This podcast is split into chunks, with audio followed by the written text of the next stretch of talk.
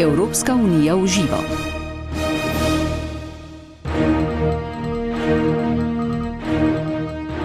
Spoštovane poslušalke, cenjeni poslušalci, lepo pozdravljeni. V tokratni rubriki Evropska unija v živo bomo po približno mesecu dni znova prisluhnili generalnemu direktorju direktorata za prevajanje v Evropskem parlamentu Walterju Mauriču. Tokrat ne bo predstavljal radija Evropskega parlamenta. Spregovoril bo o svojem delu in izzivih, ki ga prinaša. K spremljanju vas lepo vabim Helena Škrlec.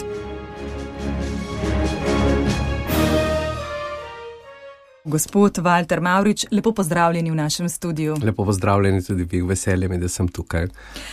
Gospod Maurič, v medijih ob vašem imenu pogosto zasledimo opis najvišji slovenski uradnik v ustanovah Evropske unije. Ste na čelu ene največjih prevajalskih služb na svetu, odgovorni ste za 1300 zaposlenih, ki so nastanjeni v Luksemburgu in skrbijo, da so vsi dokumenti Evropskega parlamenta na voljo v vseh 24 jezikih povezave. Na leto v vaši prevajalski službi prevedete v povprečju od pol drugega milijona do dveh milijonov strani. To je zgovoren podatek, ampak verjetno si običajni ljudje tega niti ne znamo predstavljati. Ali državljani posameznih članic dovolj cenimo delo, ki ga opravljate, ali imate kdaj občutek, da ga morda jemljemo preveč samoumevno? Hvala lepa za to zanimivo vprašanje. Mi smo tisti, ki delamo za kulisijo, mi niti ne pričakujemo, da nas nekdo pohvali vsako toliko dobro, da se nas spomni na nas. Naj bi se spomnili na nas vsaj 30. septembra, ko praznujemo dan, mednarodni dan prevajalcev, ki je tudi dan svetega Hieronime, ki je naš zavetnik. In takrat mi v parlamentu priredimo dan večjezičnosti. In takrat tudi povabimo vse, ki želijo zvedeti malo več o našem delu. In ponavadi imamo okrog 2000 obiskovalcev, kar je zelo veliko. In takrat tudi povemo, in smo zdaj tudi izračunali, kaj pomeni ta količina strani, ki jih prevedemo. To je, kot da bi vsak teden v letu prevedli vseh sedem knjig Harryja Potterja v 13 jezikov. Tako zgleda ta količina prevodov pri nas. Zanimiv podatek. Kako pomembno pa je, gospod Maurič, da prebivalci Evropske unije lahko dostopamo do dokumentov v lastnem jeziku in da v njem tudi komuniciramo z vsemi ustanovami povezave? Ja, jaz mislim, da je tukaj odgovor mogoče malo več plasten, glede na to, da najprej je ta pravni vidik, ko je jezik potreben, ker je tako predpisuje prvi člen pogodbe.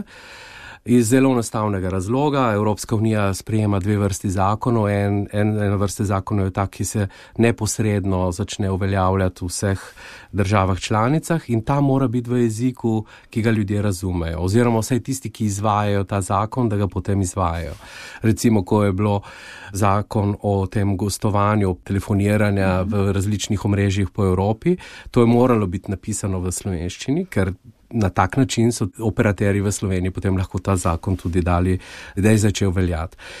To je pravni vidik. Drugi vidik je seveda, da kdorkoli se želi zanimati ne samo za zakone, ampak tudi za druge stvari, ki jih Evropski parlament ali Evropska unija sprejema.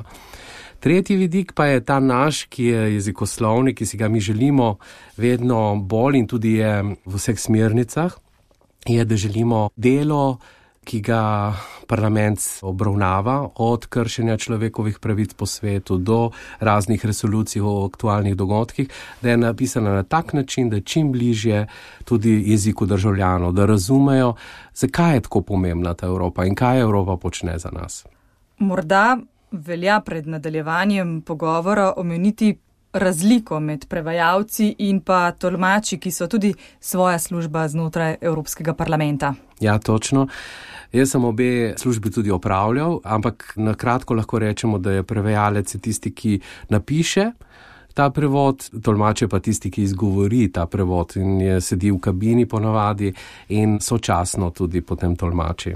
Katere dokumente prevajate? Omenili ste že, da ne gre le za zakonodajo, ki jo sprejema Evropski parlament. Uh -huh.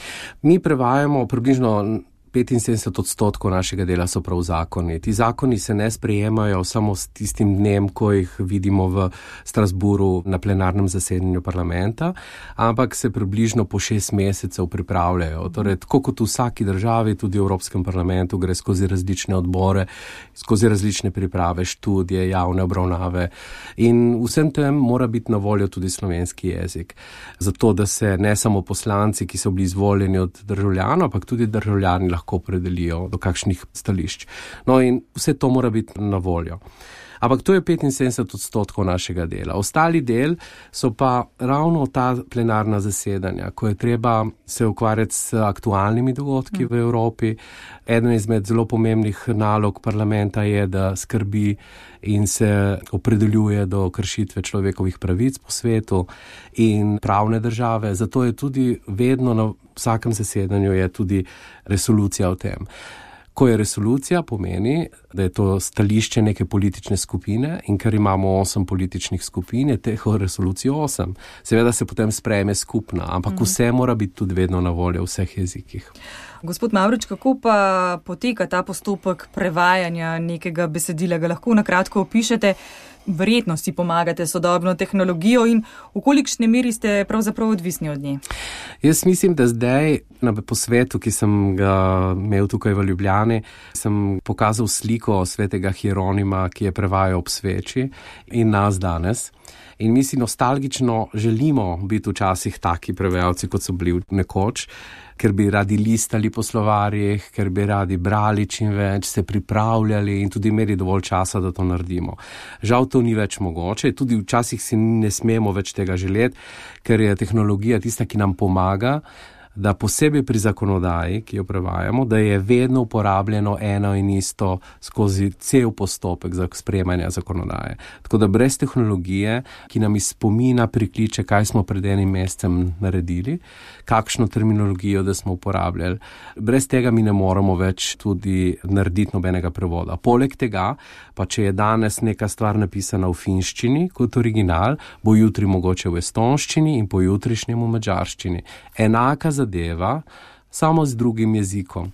In mi moramo priklicati teh 552 kombinacij skozi spomin in vedno enako napisati. Zaradi mhm. tega je pomembna tehnologija. Včasih smo to delali na roko. Od česa vsega pa je odvisna hitrost prevajanja in morda v kolikšnem času mora biti neko besedilo na voljo v vseh 24 jezikih Evropske unije? Načeloma se pri zakonodaji se tako naredi, da je poročevalec ponovadi imenovan in poročevalec je lahko v katerem koli jeziku mm -hmm. potem tudi piše. Če se odloči, recimo, da bo pisal v slovenščini, potem bo najprej na voljo slovenska varianta ta verzija bo tudi skoraj verjetno že objavljena in potem temu bodo sledile vse ostale variante. Če pa pogledamo statistično, mislim, da je na začetku največ na voljo kar angliških besedil, ampak takoj temu sledijo vse ostala. Pa, če govorimo o času, to je kaj več eh, dni, tedne? Ne, načeloma imamo za vsake določene točno roke. Uh mhm. -huh. Povprečno je 10 delovnih dni. Ampak v določenih, recimo kot je plenarno zasedanje, je tudi 4 ure lahko. Uhum. Odvisno torej od 4 ur do 10 dni. In verjetno tudi od zahtevnosti teksta. In seveda od zahtevnosti teksta. Ja. Kako gospod Maurič bo pa z angliščino, ko bo Velika Britanija izstopila iz te velike družine evropskih narodov? Gre za enega globalnih jezikov na svetu, najbolj globalnih jezikov na svetu in verjetno si je težko predstavljati, da bi prišlo kar do ukinitve. Ja. No, mi imamo več pogledov na to vprašanje. Prvi je ta pravni vidik, ki enostavno uvršča jezike na seznam uradnih jezikov in angliščina je med na seznamu uradnih jezikov in za spremembo tega seznama mora biti soglasje vseh držav članic. Torej, nekdo mora najprej dati na dnevni red sestanka, da se ukine in potem morajo biti vse države soglasne s tem. Jaz vidim vsaj dve državi, ki ne bosta dali soglasja, to je Irska pa Malta, v teh državah je tudi to uradni jezik, pa verjetno tudi Slovenija ne bo dala soglasja. Mislim, da nihče ne bo dal soglasja. Tako da pravno verjetno zelo težko razmišljati o tem, da bi se mhm. ukinilo. Poleg tega pa, kot ste vi še sami omenili, to je le globalni jezik, to je jezik, ki se ga vsi učimo v šolah. Povsod se najprej doskrat razumevamo v angleščini. Tako da to mi ne moramo biti izolirani od tega.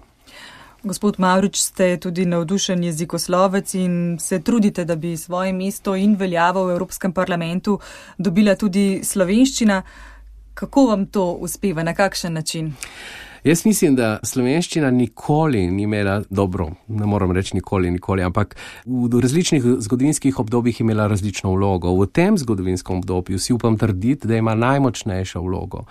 Ker je, če pogledamo čisto praktično, jaz kadarkoli pridem, pa naj bo to neka konferenca ali posvet ali sestanek, ki ga organizira Evropska unija ali tudi kdorkoli drug, je slovenščina ena izmed tistih jezikov, ki je vedno na voljo ki je na seznamu vsaj, ali pisnega besedila, ali pa celo tolmačenja. Takšne vloge prej nikoli ni imela. En jezik, ki ga govori dva milijona ljudi in to, če pogledamo v skupini 6 do 7 tisoč jezikov, je to neverjetna vloga. Znani jezikoslovec je napisal enkrat, da mora jezik iti vedno skozi tri revolucije, če hoče biti pomemben jezik. In prva revolucija, da ima besedo, druga revolucija, da ima knjige, torej da so videli že, kaj pomeni tiskalni stroj. In tretja revolucija, da gre skozi tehnologijo jezikovno. In slovenščina gre skozi trenutno skozi to jezikovno tehnologijo, tudi zaradi tega, ker je član skupine 24 jezikov. In zaradi tega je tako pomembna. In jaz prispevam, kolikor lahko, ampak vedno je na prvem mestu med enakimi meni slovenščina. Mm -hmm. Je pa slovenščina med drugim tudi eden od šestih jezikov, v katerem od letošnjega dneva Evrope poskusno oddaja radio Evropskega parlamenta, ki pisano besedo na razumljivejši način prenaša tudi v audio obliko. Uh mhm. -huh. Gospod Maurič, bili ste pobudnik tega projekta. Kako daleč je trenutno ta projekt, kakšne so njegove bistvene značilnosti? Ja, hvala za to vprašanje, to je meni zelo blizu srcu. Jaz sem si kot ljubitelj radia, ampak tudi kot tisti odgovorni v parlamentu, ki želi prispevati jezik čim bliže državljanom, smo se odločili, da bomo tudi uvedli audio posnetke na začetku podcaste in potem tudi radijski program.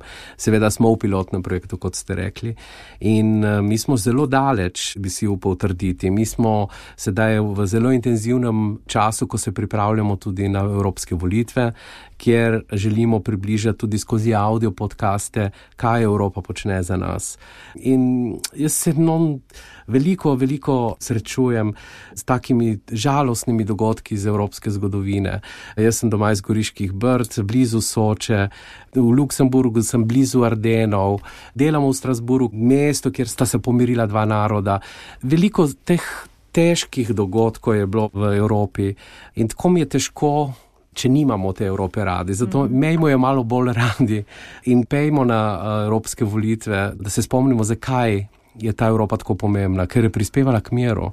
In to je tisto najlepše, kar ta radio tudi poskuša dodati ta mozaik, da povemo, da, da mir dan danes ne pomeni samo to, da ni tankov na cesti in da ni vojna, ampak da lahko se varno nekaj počne, da se varno nekaj proda, da se varno nekaj kupi, da se varno nekaj je in da se počuti človek preskrbljen v miru in, in, in, in dobi stvari za tisto, kar, kar si želi v življenju. In to se mi zdi, da Evropa počenja vsak dan in da, da državljani vedo, mogoče se zdi samoumevno, ampak mi želimo s tem tudi pokazati skozi majhne prispevke, kaj, kaj in to v slovenskem jeziku. Pa imate morda kakšen odziv ali običajni ljudje prisluhnejo, prisluhnemo novicam iz Evropskega parlamenta, nas te teme dovolj zanimajo? Jaz mislim, da v zadnjem času, ko poslušam ne samo v Luksemburgu in Franciji in Nemčiji in, in, in Belgiji, kjer največ poslušam medije dnevno, ampak tudi tukaj, evropske volitve so kar naenkrat postale kar tema dneva.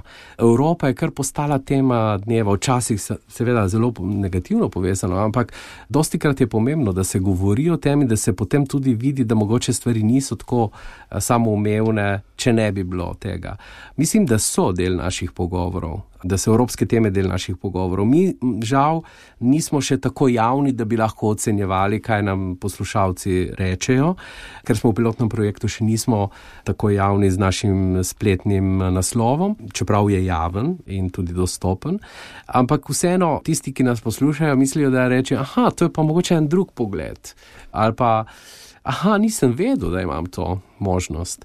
Mi poskušamo biti najbolj neutralni, kar se mogoče da biti, in posredujemo sporočila, ki jih sprejme Evropski parlament. Zato mislim, da so pozitivna. Dejali ste, da želite s tem audioprogramom Evropskega parlamenta dati nek prispevek pred.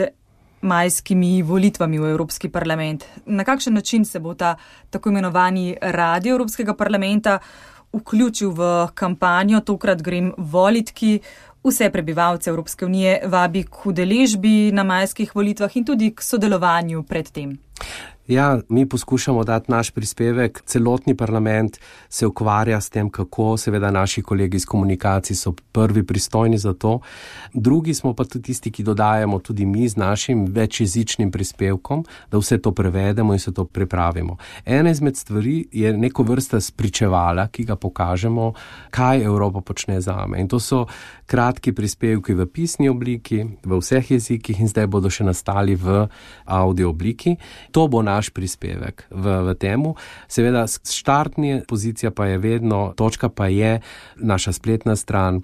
Tokrat grem volit, pika EU, ki se piše skupaj, tokrat uh, grem volit, in od tukaj naprej bo vse možno pogledati in poslušati. Čaka vas pa verjetno veliko dela. Ja, veliko dela nas čaka, ampak mi se tega veselimo, da lahko prispevamo. Jaz vidim, ko se pogovarjam z našimi kolegi prevajalci, vsi so tako navdušeni, da lahko prispevajo k temu, da približajo to stvar, kar mi počnemo in da se čutijo spet pomembne.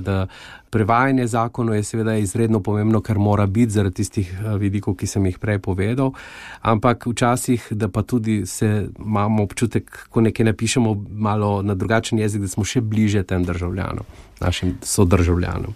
Gospod Walter Maurič, najlepša hvala. Najlepša hvala tudi vam.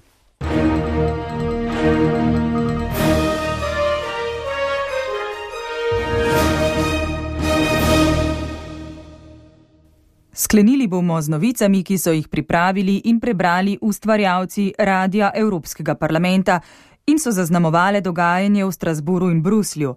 Nekaj se jih nanaša tudi na novembrsko plenarno zasedanje. Ponedeljek sta parlament in svet priznala, da do konca dneva ni bilo mogoče doseči dogovora o proračunu za naslednje leto. Po mnenju Žona Artuja, predsednika odbora za proračun, to ni bilo mogoče, ker svet ni bil pripravljen prerasporediti neporabljenih sredstev za raziskave v raziskovalni program Obzorje 2020. Komisija je namudoma napovedala, da bo do konca meseca pripravila nov predlog proračuna. Pogajanja se bodo nadaljevala, da bi poskušali dogovor doseči še pred koncem leta. Z novembrskega zasedanja velja spostaviti, da je parlament obiskala nemška kanclerka Angela Merkel in s poslanci razpravljala o prihodnosti Evrope. Poudarila je, da je strpnost v jedru evropskega projekta in ena od njenih osnovnih vrednot. Parlament je glasoval tudi za to, da se od maja prihodnje leto omejijo cene klicev med državami Evropske unije, kar sodi med nova pravila iz telekomunikacijskega svežnja. Cilj svežnja je povečati naložbe, potrebne za zagotovitev povezljivosti omrežja 5G v evropskih mestih do leta 2020, vključuje pa tudi obvezen opozorilni sistem številko 112. Med plenarnim zasedanjem so podelili tudi filmsko nagrado Lux, ki jo je prejel film Bojevnica. Poslanci so ga izbrali med letošnjimi tremi finalisti. Na podelitvi je poslance nagovoril režiser filma Islandec Benedikt Erlingson in jih podprl v boju proti podnebnim spremembam. Rekel je, da potrebujemo načrt za zmanjšanje energetske porabe. Politiki ste zelo pogumni, saj ste sprejeli izziv, da boste nastopili proti podnebnim spremembam. Predsednik Evropskega parlamenta Antonio Tajani je predstavil novo spletno mesto. Poimenovano je, kaj Evropa počne zame in je namenjeno državljanom, prikazuje pa, kje vse ima delovanje Evropske unije pozitivne posledice za posameznikovo življenje. Predsednik je dejal, da bodo državljani na spletnem mestu našli jasne odgovore v vsakdanjem jeziku. Njegova vsebina je približno 1800 postran dolgih člankov, ki jih je mogoče brati, deliti ali ponovno uporabiti. Na spletnem mestu boste našli tudi izbrane pododdaje. Na povabilo predsednika Evropskega parlamenta Antonija Tajanja je 800 mladih v Evropskem parlamentu razpravljalo o najpomembnejših vprašanjih pred evropskimi volitvami. Ta prvi mladinski parlament je nadaljevanje Evropske prireditve za mlade, ki je potekala junija 2018 v Strasburu in na kateri je sodelovalo več kot 8000 mladih iz vseh koncev Evropske unije.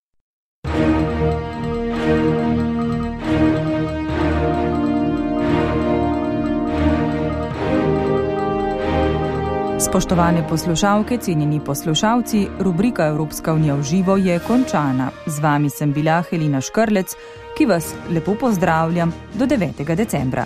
Vse dobro. Evropska unija v živo.